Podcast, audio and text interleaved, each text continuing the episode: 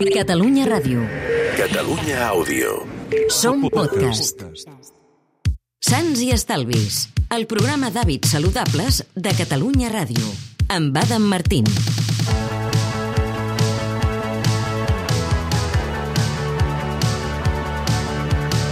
Hola, què tal, com esteu? Benvinguts al Sants i Estalvis. Avui comencem amb una pregunta que és, és veritat, una mica íntima. Cada quan aneu al lavabo a fer de ventre? Us costa anar-hi? Penseu que teniu restrenyiment? Avui parlarem de com saber si estem realment restrenyits o constipats, que és una altra manera de dir-ho, quines són les possibles causes, com prevenir-ho i, sobretot, com solucionar-ho amb bons hàbits. Comencem.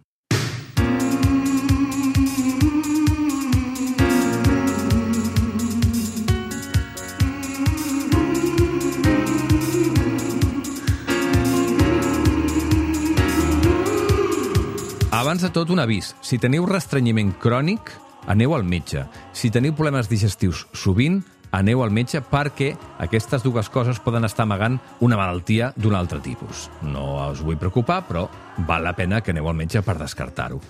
Ja sabeu que la caca ens diu coses sobre la nostra salut intestinal, però la freqüència amb la que anem de ventre també ens diu moltes coses sobre la salut digestiva i sobre la qualitat de la nostra dieta.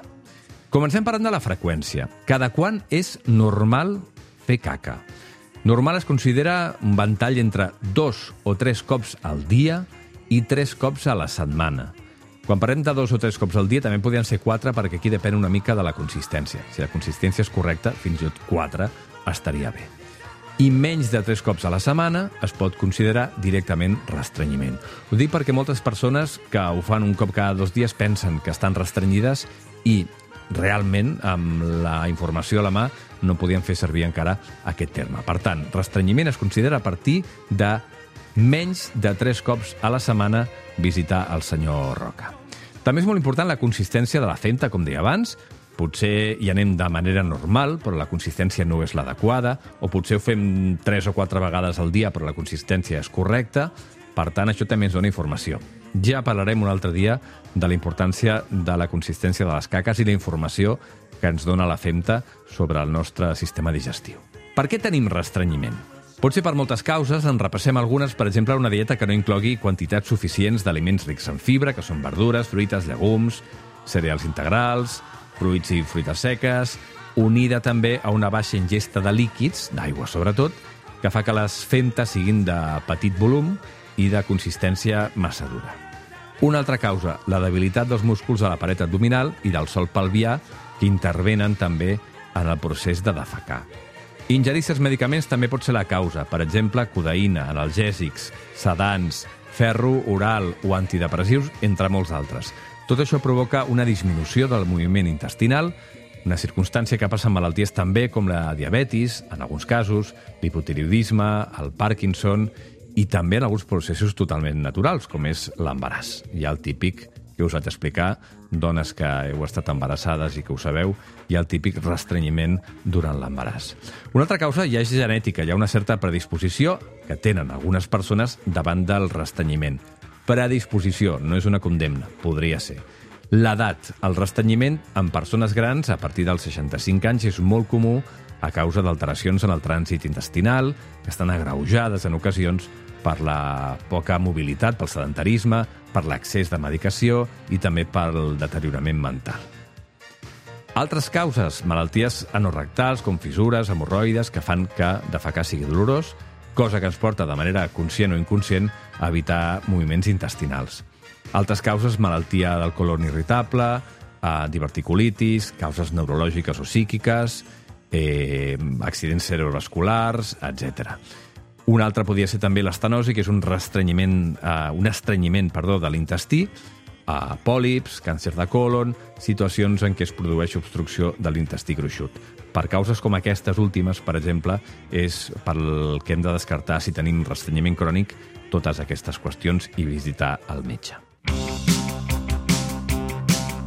Sants i Estalvis, el programa de Catalunya Ràdio que et cuida.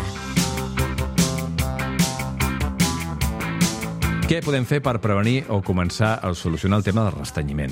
El primer i el més important de tots és no abusar dels laxants perquè són una solució a curt termini, és cert, ens ajuden, però a mig i llarg termini són una condemna, perquè el que fan és reproduir el problema. Sense laxants, al final, no aconseguim anar al lavabo, i la idea és que ho aconseguim de la manera més natural possible.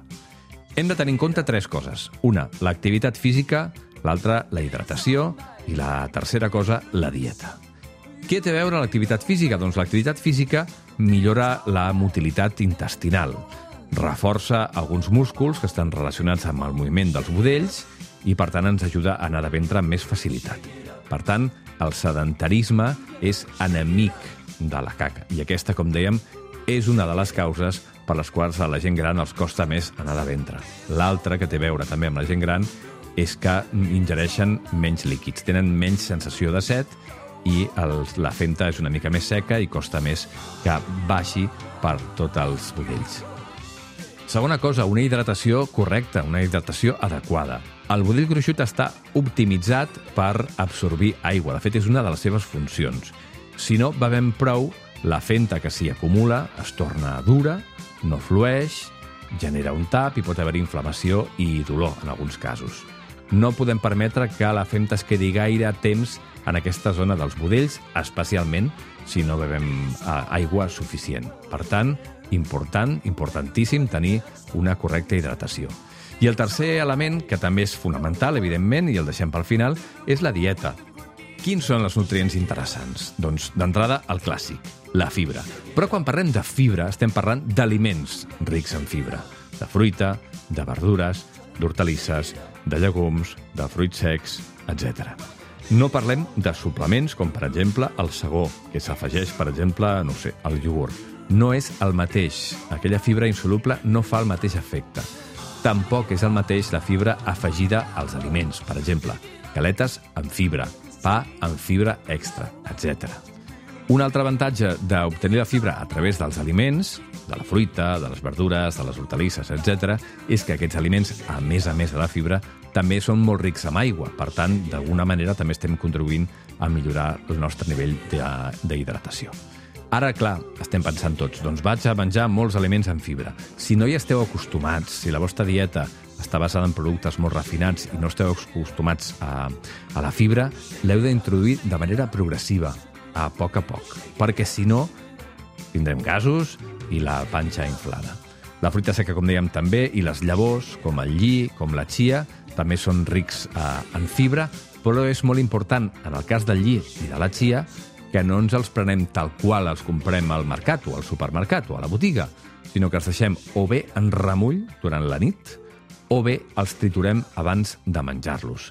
Si no ho fem, tant el lli com la chia, que són llavors molt petites, no les masteguem correctament, no s'alliberen els continguts importants, interessants, els greixos interessants que tenen a dins les llavors, i tal com entra aquella llavor, surt. De fet, podria contribuir a generar més restrenyiment si no està ben mastegat, i com que no podem mastegar correctament, o en remull o triturat. Una bona solució és triturar una bona quantitat de lli o de chia amb un robot o amb un mini pimer o el que sigui, i després deixar-ho a la nevera o congelar-ho. I cada vegada que necessitem una mica de llavors d'aquest tipus, obrim la nevera, agafem la cullerada, la quantitat que vulguem i la posem al plat que sigui. Per què parlem d'aliments i no suplements, com dèiem? Perquè els estudis ens diuen que funcionen millor. I ja està. I a més a més això que us explicava abans de l'aigua.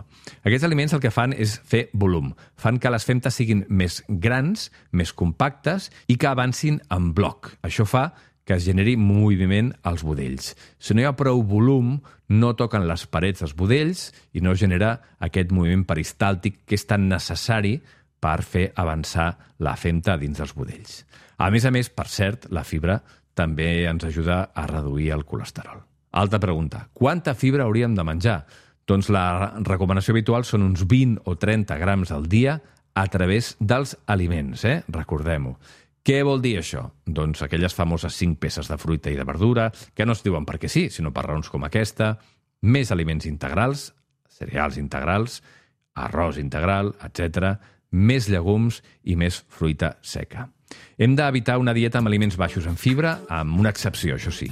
Si tenim alteracions als budells, com la malaltia de Crohn o la colitis, aleshores hem de vigilar moltíssim amb la fibra. Si no és el teu cas i no seguiu una dieta alta en fibra, com deia abans, introduïu la fibra de manera progressiva. No ho vulgueu fer-ho tot de cop, perquè si no tindreu gasos i potser una mica de mal de panxa, fins i tot.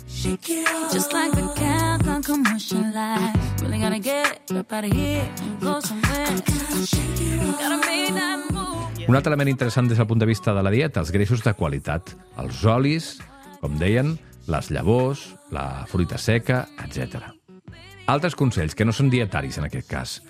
No és interessant aguantar-se la caca. La femta, si ens aguantem la caca, com dèiem, es queda al colon, allà el colon absorbeix l'aigua que pugui portar aquesta femta i la femta es torna dura i és més difícil expulsar-la. També és important intentar evitar automedicar-se amb productes per anar de ventre, encara que siguin naturals.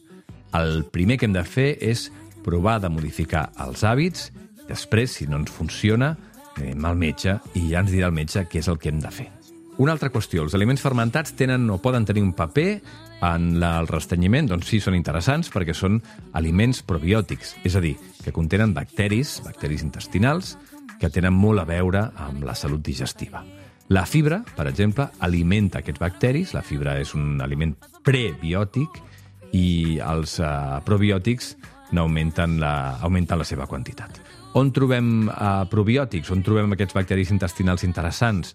Doncs els iogurts naturals, perquè amb sucre no ens interessen, el kèfir, el kimchi, que són aquestes verdures fermentades d'origen coreà, el xucrut sense pasteuritzar, en alguns formatges, sobretot els curats, a la xocolata de bona qualitat, etc. És important que si volem menjar aliments fermentats per aconseguir aquest efecte, mengem com a mínim un d'aquests grups d'aliments al dia. O iogurt, o kefir, o kimchi, o xucrut, o formatge, o xocolata. Les dones eh, pateixen més restanyiment que els homes? Doncs, segons les estadístiques, eh, hem de dir que sí. No sabem ben bé per què, podria tenir a veure amb temes sociològics i, i de comportament. Per exemple, anar al bany en alguns contextos, en alguns contextos encara és considerat tabú, i les dones se solen aguantar més que els homes i tendeixen a fer menys de ventre a la feina i més a casa. Per tant, si tenen ganes d'anar de ventre... Això parlo d'estadístiques, evidentment, eh? no parlo de conductes universals. Dic la tendència que en diuen alguns estudis. Si tenen ganes d'anar de ventre a la feina, doncs de vegades s'aguanten per esperar-se fins a arribar a casa. Però fisiològicament no hi ha diferències, només, això sí, quan les dones estan embarassades, que apareix, com dèiem, aquesta, aquest restanyiment de les embarassades. Un mite relacionat amb el restanyiment, que la poma restreny. No hi ha cap estudi que ho hagi demostrat. De fet, és una mica al contrari. La poma ajuda a regular el trànsit intestinal perquè és rica en aigua i en fibra soluble i, per tant, contribueix a millorar la defecació.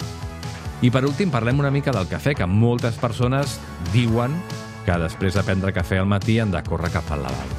Això és així?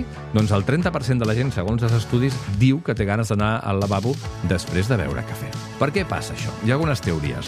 Una perquè estimula el colon distal, diuen. També perquè estimula la producció d'hormones com la mutilina, la colecistoquinina, que és una hormona que estimula les contraccions intestinals, i la gastrina, que una hormona que contribueix a la secreció d'àcid a l'estómac. L'àcid clorogènic del cafè també pot fer que augmenti la producció d'àcid gàstric a l'estómac i això també d'alguna manera estimula el moviment peristàltic. Sembla que la cafeïna no té res a veure perquè amb el cafè de cafinat aconseguim pràcticament el mateix efecte, si és que ens l'efecte que ens fa.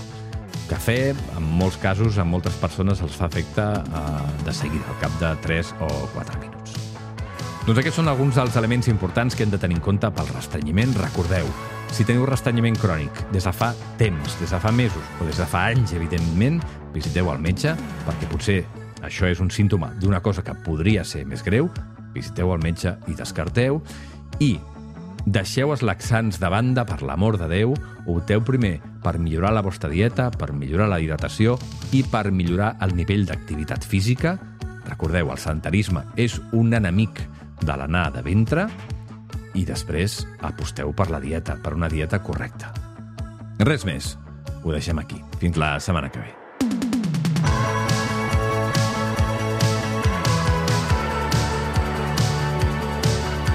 Sants i Estalvis, el programa d'hàbits saludables de Catalunya Ràdio, amb Adam Martín.